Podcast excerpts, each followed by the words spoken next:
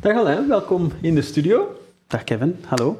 Alain, het is even geleden dat we elkaar nog gesproken hebben. Hè? Normaal doen we dit gesprek regelmatig. Ja. Maar er is een coronacrisis tussen uh, gekomen. Hoe hebben jullie bij EasyFairs die periode beleefd?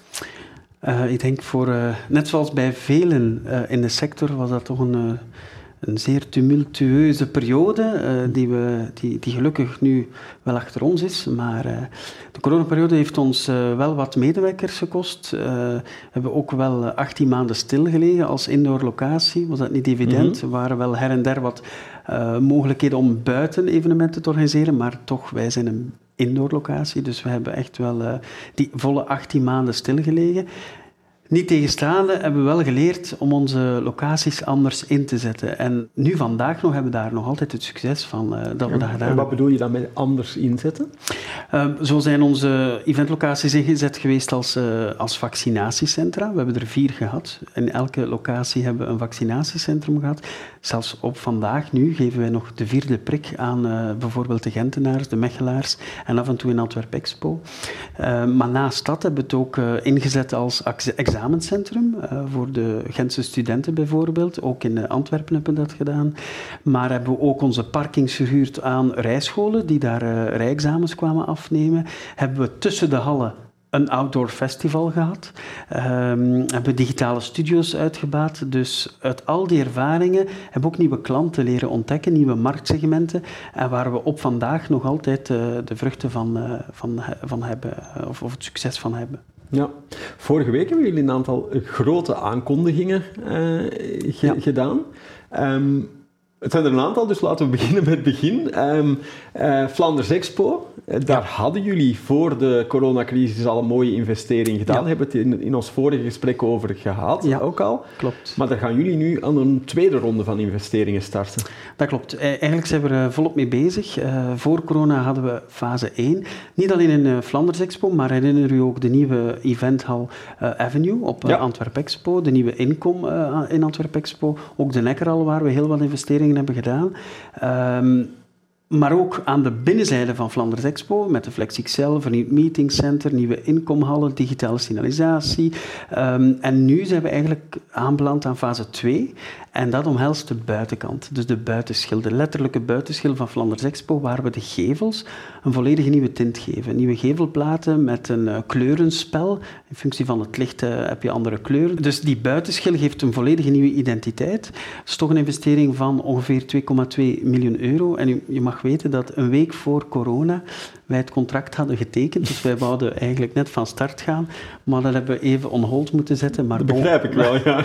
onbegrijpelijke redenen. Maar we zijn er nu wel uh, volop mee bezig. En we hopen die werken in de zomer van volgend jaar volledig afgerond uh, te hebben. Um, en inderdaad, we hebben een tweehonderdtal uh, genodigden gehad vorige week. Politiekers, klanten, bijna klanten en, en onze, onze vaste leveranciers. om hen inderdaad fase 3 ook toe te lichten. Maar voor we fase 3 toelichten, wil ik ook nog even meegeven dat we ook een rebranding hebben uh, gelanceerd. Hè. Flanders Expo, nieuwe gevels, dan moet je toch ook een nieuw logo aan kunnen hangen. En uh, dat is ook op dat moment uh, voorgesteld geweest. En, en, was daar buiten de opportuniteit van nieuwe gevels nog een andere reden voor dat jullie zeiden van zo'n rebranding is wel interessant voor ons? Wel, met de nieuwe gevel uiteraard het ideale moment om dat uh, te lanceren, maar we wilden toch ook een fris, uh, fris imago uh, in, de markt brengen, weg van het expo-gehalte. We zijn al lang geen expo-site meer, het is echt een multiformat eventlocatie. Um, en met het nieuwe logo, felle kleur, die gele felle kleur straalt voor kracht, voor passie, voor dynamisme, flexibiliteit.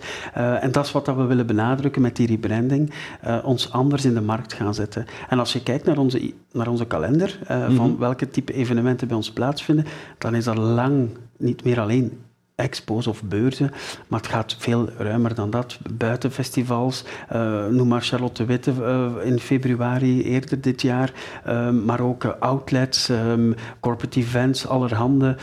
dus het is echt wel een multiformat venue geworden dankzij die investeringen. Ja, en daar past, je, past dan de nieuwe brand uh, Absoluut, dichterbij. volledig. En ik moet zeggen, de reacties zijn uh, tot nu toe zeer positief uh, en, en, tonen wel aan dat we de juiste weg ingeslaan hebben. En dat is ook de reden waarom dat we volgende zomer aan fase 3 gaan beginnen. Mm -hmm. um, daar gaan we een expo-park aanleggen en dat is eigenlijk een, een buitenplein aan de achterzijde van, van Flanders Expo, om concreet te zijn. En daar gaan we een soort ruimte creëren die op- en afbouw wat beter kan faciliteren, want daar was wel nood aan op, de, op een site als de Loop. Um, maar anderzijds willen we ook buiten evenementen, buiten expo's gaan faciliteren. En af en toe bij grote evenementen is het toch wel nuttig om uh, voldoende ruimte te hebben om aan crowd control te doen. Dus het is echt een multifunctioneel plein dat we gaan lanceren, ook toch een investering van bijna 4 miljoen. En als je alles bij elkaar telt van de voorbije jaren, gaat het toch over een bedrag van 15 miljoen euro. Oké, okay, indrukwekkend. Ja. Toch wel knap dat jullie na zo'n moeilijke periode zo veerkrachtig zijn om nu al meteen -hmm. terug te zeggen van oké, okay, knap, we gaan doorinvesteren. Ja, het is ook nodig. Hè. Ik denk dat uh, voor locaties blijven investeren de boodschap is. Hè. Het is zeker voor ons, die toch wel wat grotere sites uh, in portefeuille heeft, de manier om onze sites te transformeren van expo naar eventsite. En voor kleine evenementen, want vaak worden we gepasseerd omdat men denkt het is alleen maar voor grote evenementen of bijeenkomsten. Die kleinere evenementen, die kleinere trainingen, die kleinere congressen, die kunnen ook bij ons plaatsvinden. En dat maakt dat je moet investeren, dat je dat ook kenbaar moet maken en dat je de juiste ruimtes creëert. Van, van een lege hal waar iedereen zijn dingen mm-hmm. kan doen, tot een, een half voorziene hal met een blackbox en een beetje basisverlichting tot een volledige blackbox uitgerust met alle mogelijke technieken. En we willen dat hele aanbod uh, gaan aanbieden aan de eventmarkt. Ja. Op dit moment, er zijn best ook nog wel wat andere uitdagingen in, mm-hmm. in, in, in, in de sector. Wat zie jij als de grootste uitdagingen? Oké, okay, de, de, de, um, de investeringen die jullie nu aan doen mm-hmm. zijn, lossen natuurlijk al een aantal zaken op. Maar mm-hmm. wat zie jij nog als uitdagingen voor, voor jullie in de sector? Er zijn er wel nog een aantal, uh, om maar uh, niet te zwijgen van uh, de, de war for talent. Ik denk dat iedereen wel openstaande vacatures heeft, of toch bijna iedereen. Ik denk dat het, ja. onze sector heeft een kleine deuk gekregen na, na de coronaperiode. Hè. Veel mensen zijn andere sectoren gaan opzoeken, noodgedwongen, omdat de business stil lag. Hebben ook ja, andere, andere dingen ontdekt. En het is voor een sector als ons, die ineens uit de startblokken is geschoten, uh, een enorme workload op ons zag afkomen, is het niet evident om die medewerkers of mensen terug te trekken naar onze sector, waar toch flexibiliteit, maar heel veel passie en, en, en fun ook wel delen maakt van de dagdagelijkse activiteiten, anders zou er ook zo lang niet in zitten. Uh, maar het is toch wel moeilijk hè, om die mensen te vinden, vooral operationele medewerkers zie ik, maar ook salesmensen. Uh, daar zien we toch wel uh, dat het net geen knelpuntberoep is. Dus als er maar... kijkers nog op zoek zijn naar een leuke job, ze mogen jou We hebben nog een uh, tiental vacatures uh, openstaan. Uh, dus ja, er is wel altijd wel ergens een post vrij. En dat heeft ook te maken met de drang naar die evenementen, het organiseren en de groei die we ook nog altijd zien, nu na corona. want dat is dan ook weer de andere uitdaging, is hoe dat we de komende twaalf maanden gaan doorstaan. want de agenda is overvol. Het seizoen ons eventseizoen indoor dan is veel vroeger begonnen, mm-hmm. door nog wat verschuivingen die, die um, in, de, in de zomer hebben plaatsgevonden, uh, maar ook nog veel langer. Hè. Door tekort aan beschikbare uh, ruimte hebben we ook uh, wat later het evenementenseizoen dat, door, dat zich doortrekt. Dus het is een veel intenser, maar ook langer seizoen. Dus voor ons zal het een uitdaging zijn om uh, die twaalf maanden mooi te overbruggen. En wat dan de andere, de komende twaalf maanden, uh, zal brengen, ja, gezien de huidige economische context, uh, zal het ook nog wel wat afwachten Merken zijn. jullie daar vandaag al iets van? We hebben nog niet die signalen, dat moet ik eerlijk zeggen. we hebben nog niet die signalen. Wij hebben heel veel aanvragen voor de komende maanden, tot een, een, jaar, tot zelfs 18 maanden, komen de aanvragen heel vlot binnen. Um, locaties Mensen als onze... elkaar ook terug ontmoeten. Absoluut. Hè? En je ziet dat ook. Uh, dus de druk zit echt wel uh, op de, de druk is op de ketel om effectief die evenementen te kunnen organiseren. Maar goed, ik zie op dit moment nog geen signalen. Maar we zijn er ja. wel uh, aandachtig voor. En een andere uitdaging, om op uw vraag verder te antwoorden, is alles wat met ESG te maken en heeft. waar staat ESG voor? Environmental, Social, governance. En dat is geen eigen uitgevonden woord. het is ook geen modewoord. Uh, wij zien dat het echt wel de rode draad zal worden doorheen alle sectoren. Je had vroeger het maatschappelijk verantwoord mm -hmm. ondernemen, MVO ja. of CSR. Maar daar spreken we al lang niet meer over. Het is nu alles wat ESG ehm, eh, betreft. En ESG is meer dan uh, het voeren van een maatschappelijk verantwoord ondernemen uh, en het beleid daar rond, maar het gaat echt over concrete doelstellingen, concrete metingen, rapporten, evolutie, doelstellingen. Um, er zijn ook doelstellingen die gestuurd worden vanuit de overheid, maar van ook uit zelfs de banksector. Hè. Um, je zal dat meer en meer gaan zien, dat banken aan bedrijven geld uh, gaan lenen en die betere rentes zullen krijgen als ze een ESG-beleid voeren. Dat zie je nu al gebeuren. Stond vanmorgen nog uh, in een artikel dat um, in functie van de grootte van het bedrijf, de omzet of het aantal medewerkers, men effectief verplicht zal moeten zijn om aan een ESG-beleid te doen. Um, dus daar gaan regels worden opgelegd. En ik denk ook, los van de regels, dat elk bedrijf daar bewust moet bezig zijn. Ja, het is ook een beetje een, een, een ja, maatschappelijk verplichting Absoluut. om, om klanten verwachten het ook. Hè? Ja.